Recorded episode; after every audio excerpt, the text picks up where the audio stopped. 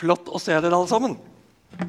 Flott å se dere som er kommet hjem på ferie, dere som har kommet tilbake på ferie, og noen er her kanskje for første gang. Flott å se deg. Godt å være i lag med deg. Nå skal vi stå og høre evangelieteksten slik vi finner den i Johannes 3, 1-13. Det var en mann som het Nikodemus. Han var fariseer og en av jødenes rådsherrer. Han kom til Jesus om natten og sa, 'Rabbi, vi vet at du er en lærer som er kommet fra Gud.'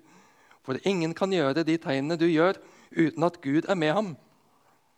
Jesus svarte, 'Sannelig, sannelig, jeg sier deg:" 'Den som ikke blir født på ny, kan ikke se Guds rike.' 'Hvordan kan en som er gammel, bli født?' sa Nikodemus. 'Kan noen komme inn i mors liv igjen og bli født for andre gang?' Jesus svarte, Sannelig, sannelig, jeg sier deg, den som ikke blir født av vann og ånd, kan ikke komme inn i Guds rike. Det som er født av kjøtt, er kjøtt, men det som er født av ånden, er ånd. Undre deg ikke over at jeg sa til deg, dere må bli født på ny. Vinden blåser dit den vil, du hører den suser, men du vet ikke hvor den kommer fra, og hvor den farer hen. Slik er det med hver den som er født av ånden. 'Hvordan kan dette skje?' spurte Nikodemus. Jesus svarte, 'Du er en lærer for Israel og vet ikke det.' 'Sannelig, sannelig, sier jeg deg, vi taler om det vi vet, og vitner om det vi har sett.' 'Men dere tar ikke imot vårt vitneutsagn.' 'Hvis dere ikke tror når jeg taler til dere om det jordiske,' 'hvordan kan dere da tro når jeg taler om det himmelske?' Ingen annen er steget opp til himmelen enn han som er steget ned fra himmelen menneskesønnen som er i himmelen. Slik lyder Herrens ord. Vær så god, sitt.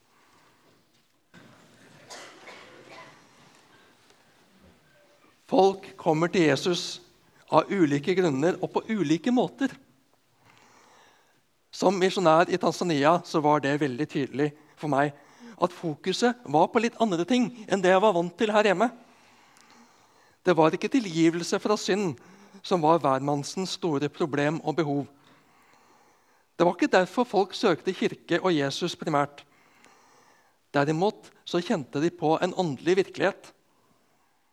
Satan og onde åndsmakter var og er høyst reelle og påvirker deres hverdag. Og Jesus som seierherre over Satan, ham hadde de bruk for. De søkte Jesus og kirke for å bli fri Satans forbannelse og bånd. I Jesus er jeg trygg. I Jesus er jeg fri. I Jesus behøver jeg ikke å frykte for Satan og hans ånde her. Jeg opplever at jo lenger jeg lever med Jesus, jo lenger jeg er en kristen, så ser jeg mer og mer behov for Jesu nåde og tilgivelse. Er det noen som kjenner seg igjen i det, mon tro? Forventningen til forbedring i eget liv som ikke går helt slik jeg ønska og trodde. Jeg blir ikke bedre. Tvert imot så ser jeg mer og mer av synd i mitt eget sinn. Jeg er totalt avhengig av Jesu tilgivelse. Men jeg tror kanskje ikke at det er det som fyller tankene til folk flest i samfunnet vårt i dag. Jeg er da et skikkelig og ansvarlig menneske. Jeg gjør så godt jeg kan. En kan ikke kreve det urimelige av folk heller. Jeg er en god samfunnsborger. Ingen kan komme og fortelle meg noe annet. Men det er en del mennesker som opplever at en trenger noe mer. Det må være noe mer i livet. Vi hører iblant uttrykket i forskjellige varianter. Det er mer mellom himmel og jord enn det vi kan se og ta på. Og i møte med livskriser og forskjellig frykt og uro i livet så kan folk kjenne på at en trenger noe utover seg selv. En Gud som står over det hele. En Gud som bryr seg. Jesus viser meg veien til Gud. Ulike grunner og ulike behov kan lede folk til Jesus. Og folk kommer på utallige forskjellige måter. Selvfølgelig, for vi er jo forskjellige. Og Gud forholder seg ikke til noen norsk standard for omvendelse og frelse. Han ser og kjenner og elsker hvert enkelt menneske og møter oss der vi er. Akkurat som en god mor og far, bestemor eller bestefar, onkel eller tante, de møter barna på ulik måte. Ikke for å forskjellsbehandle, men fordi barna er ulike, unike. Jeg opplevde som ung student det er en stund siden, å være på en kristen samling, helgesamling. Jeg tror ikke det sto på agendaen, men det kom opp under eh, ordet 'fritt' eller et eller annet. Diskutert hvordan en blir frelst. Og det på en sånn måte at jeg mista motet. Jeg ble spurt om å dele et vitnesbyrd dagen etterpå, men det våga jeg ikke. For jeg mistet frimodigheten av den til dels kvasse samtalen som foregikk den helga. Det var ikke noe godt å være der. Jeg kjente meg ikke igjen i de mønstre som var så viktige for noen.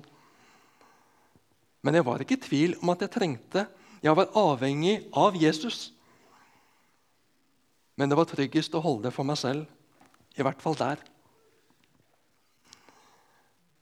Ønsker vi å nå nye folk?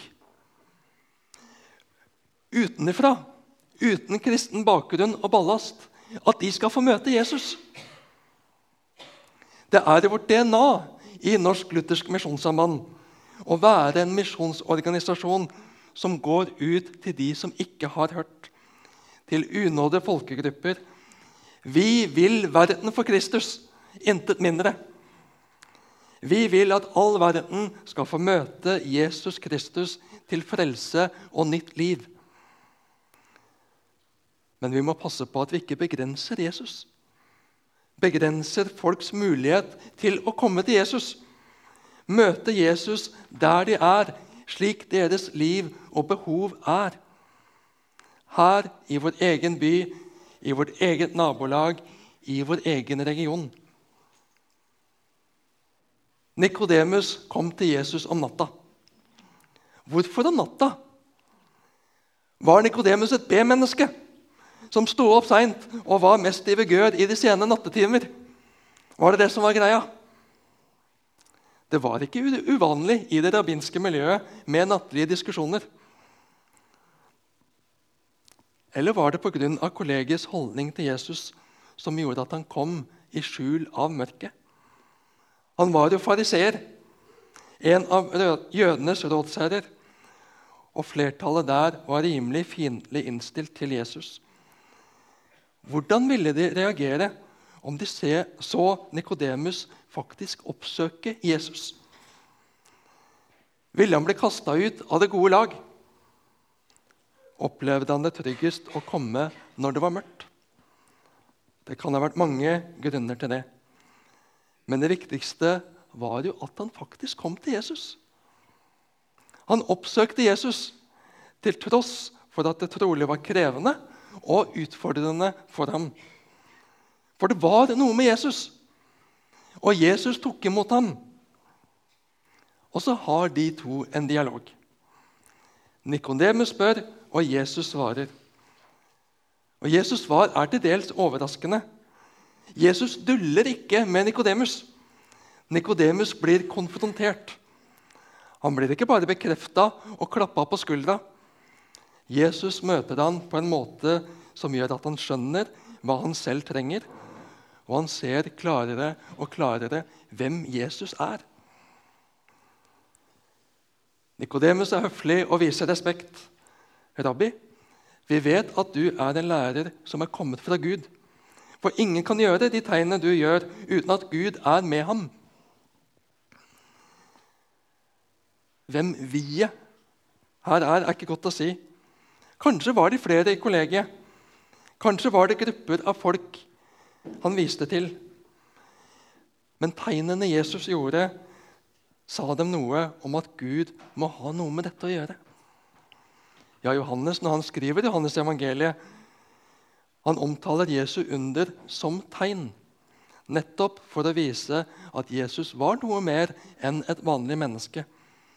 Jesus gjorde underet, tegn, for å vise at han var den som var lovet. Ja, han er Gud. Jesus er Gud. Ja, Jesu under og Jesu lære gjorde at det vokste fram en erkjennelse i de som ville tro at Jesus var Messias.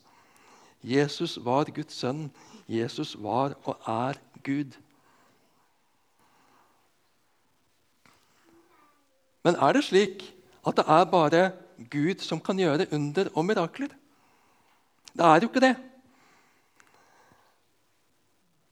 Fra afrikansk kontekst så vet vi om medisinmenn og medisinkvinner som helbreder på overnaturlig vis, men i ledtog av andre åndsmakter. Også på bibelsk tid så var det folk som hevdet seg å være Messias gjennom mirakler og voldsomme gjerninger.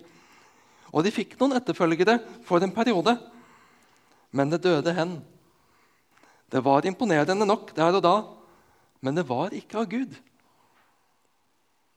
Et mirakel er ikke ensbetydende med at det er av Gud. Men Gud kan gjøre mirakler, under og tegn også i dag for å komme mennesket nær på en spesiell måte. Vi ber om helbredelse. Jeg har flere ganger salvet og bedt for syke etter at jeg kom til Misjonshuset for et snaut år siden. Og jeg vil at du skal, ha, du skal ha lav terskel for å ta kontakt, for å be om salving og forbønn, eller bare en prat, en samtale. Det er en viktig del av tjenesten her i Misjonshuset. Og Bibelen taler om nådegave til å helbrede. Det er en gave som han vil gi til sine barn. Vi skal frimodig be om Guds mirakuløse inngripen. Men det betyr ikke at alle overnaturlige ting som skjer, er fra Gud. Men det Jesus er opptatt av i møte med Nikodemus og i all sin gjerning, er å bringe mennesker til frelse og nytt liv. Ja, Jesus overrasker Nikodemus med å si at han, Nikodemus, fariseeren, fagmannen på alt som har med Gud å gjøre, at han måtte bli født på ny. Det var ikke noe å bygge på i hans eget liv. Til tross for høy utdannelse, til tross for høy stilling og status. For vi har et problem. Vi ser det ulikt og erfarer det ulikt. Og det får utallige ulike utslag i livene våre. Bibelen kaller det synd. Og den gjør at vi bommer på målet. Vi når ikke fram. Min egen vei til Gud når ikke fram. Samme hva slags utdanning, samme hva slags stilling eller status, innsats jeg har eller gjør. Jeg må bli født på ny. Du må bli født på ny. Så syns jeg Nikodemus er tøff. Jeg er imponert over at denne statustunge karen både kommer og stiller de dumme spørsmålene. Jeg må innrømme at jeg velger ofte heller å bli stille, være passiv, lytte. Kanskje komme del, svaret på det jeg lurer på etter hvert. Jeg føler at jeg burde vite, jeg burde kunne, og det er best å holde kjeft og ikke avsløre at jeg ikke vet. Men Nikodemus han spør, og Jesus er litt røff med ham, syns jeg men ikke mer enn han tåler. Og det vet Jesus. Dere må bli født på ny. En helt ny start. Her er ikke noe forbedringspotensial. Det må vrakes og startes på nytt. Ordet som er brukt, kan også oversettes med 'født ovenfra'. Født av Gud. Jo, vi er skapt av Gud, men etter at synden, det onde, kom inn i verden, så preger det oss. Vi ble skapt i fellesskap med Gud, men synden, preget, synden preger oss slik at vi går ikke i hop med Gud. Vi kan ikke ha fellesskap med Gud. Vi kan ikke sette oss i posisjon så vi kommer i nærheten av Gud.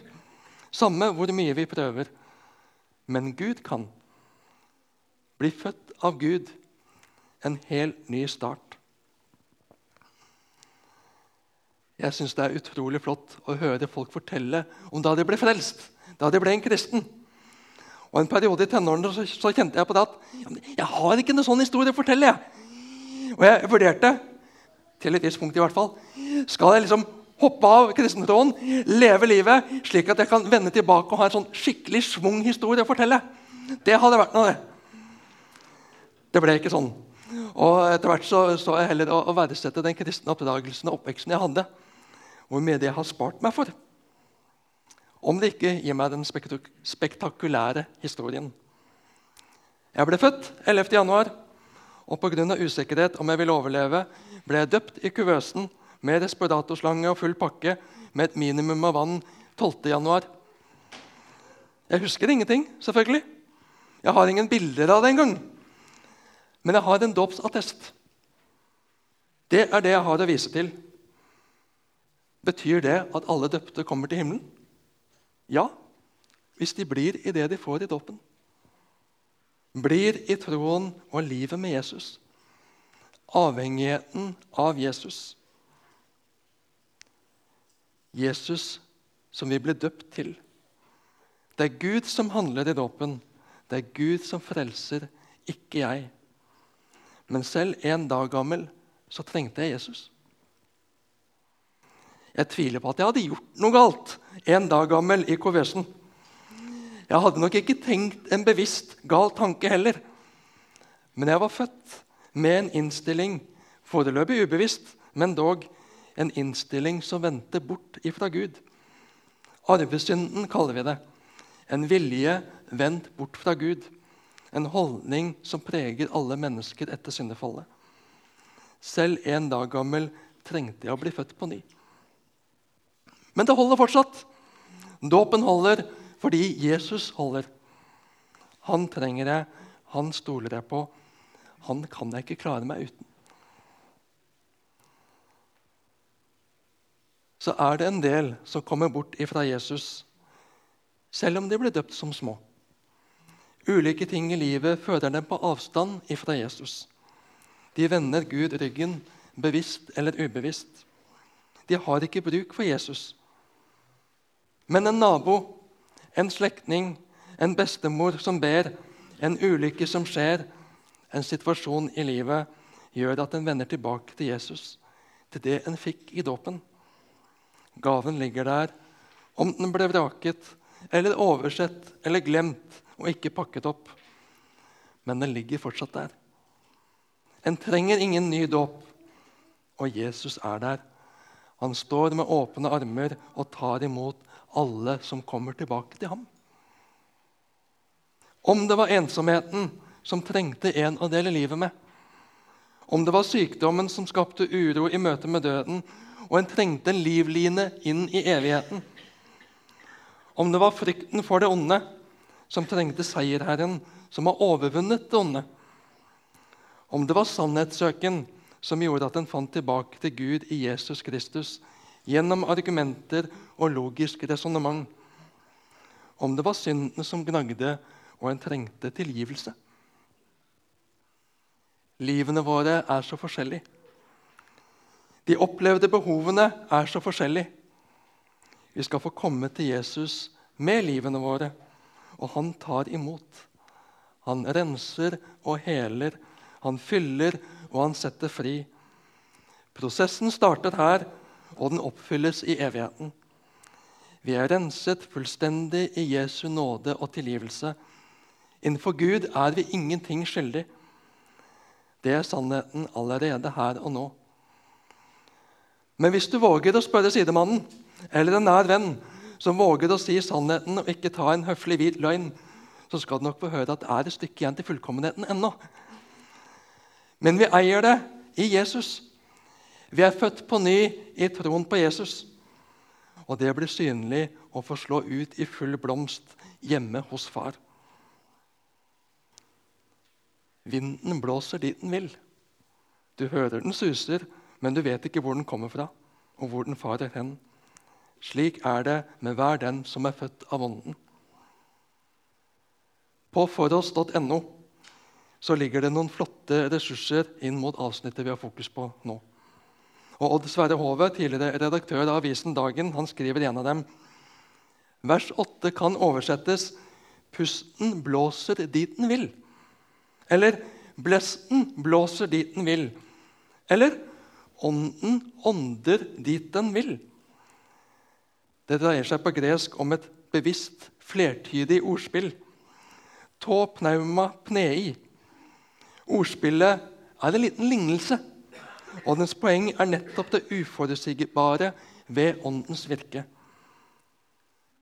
Når vi leser om syndefallet i begynnelsen av første Mosebok, så ser vi at Adam og Eva ble besnæret og lokket til fall ved tanken på å bli som Gud.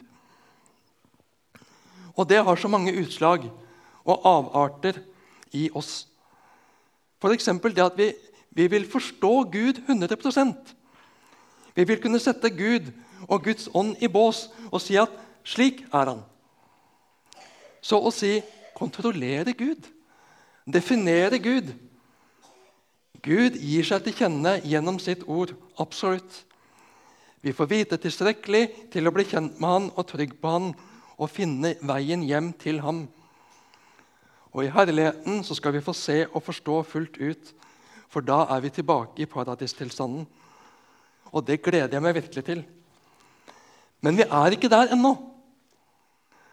Og en konsekvens av synden i oss er at vi lett begrenser Gud. Guds måte å tale og virke på. At vi synes at Gud oppfører seg rart. At Åndens uttrykk og Åndens gjerning oppfattes som underlig iblant. Og fordi vi ikke forstår det, så sier vi at det ikke er Gud, at det ikke er Guds ånd. Spesielt hvis det skjer i andre sammenhenger hvor vi synes at de har et feil fokus og ikke har et teologi. Vi skal absolutt ikke relativisere læren. Og vi skal være våkne i forhold til ting, også i menighetssammenheng, som kan dra oss bort ifra Jesus. Akkurat som små barn står vi i fare for å bli så opptatt av gavene at vi glemmer giveren. Vi kan bli så opptatt av åndelige opplevelser at Jesus blir skjøvet ut i periferien. Vi kan bli så opptatt av hus og aktiviteter for Jesus at vi kommer bort ifra Jesus og livet i ham. Det er en fare for en som jobber i kirke og misjon, at Gud blir arbeidsgiver, og at livsforbindelsen med Gud som far og Jesus som Herre, frelser og bror dør hen. Vi skal få vende tilbake til vår far og frelser. Så skal vi ikke falle for frestelsen å prøve å begrense Gud. Det eneste vi oppnår, er at vi selv ikke ser ham, eller så mye av ham som han ønsker å vise oss. At vi ikke gjør oss tilgjengelig for hans mangfoldige nærvær og virke i våre liv. Men vi kan kjenne igjen Den hellige ånd på hans fokus på Jesus. Den hellige ånd er ingen selvligger. Han er ikke opptatt av å få fokus på seg selv, men han herliggjør Jesus. Folk kommer til Jesus av ulike grunner og på ulike måter. Og Her i Misjonshuset vil vi være tilgjengelig for å se og ta imot de Jesus leder til oss. For å leve med ham, vokse i ham, i fellesskapet vi får være en del av. Jesus tar imot alle som kommer til ham. Han lapper ikke sammen. Han bygger ikke på noe halvveis, men han føder oss på nytt til et nytt liv i seg. På Hans nåde, i Hans kjærlige tilgivelse. Amen.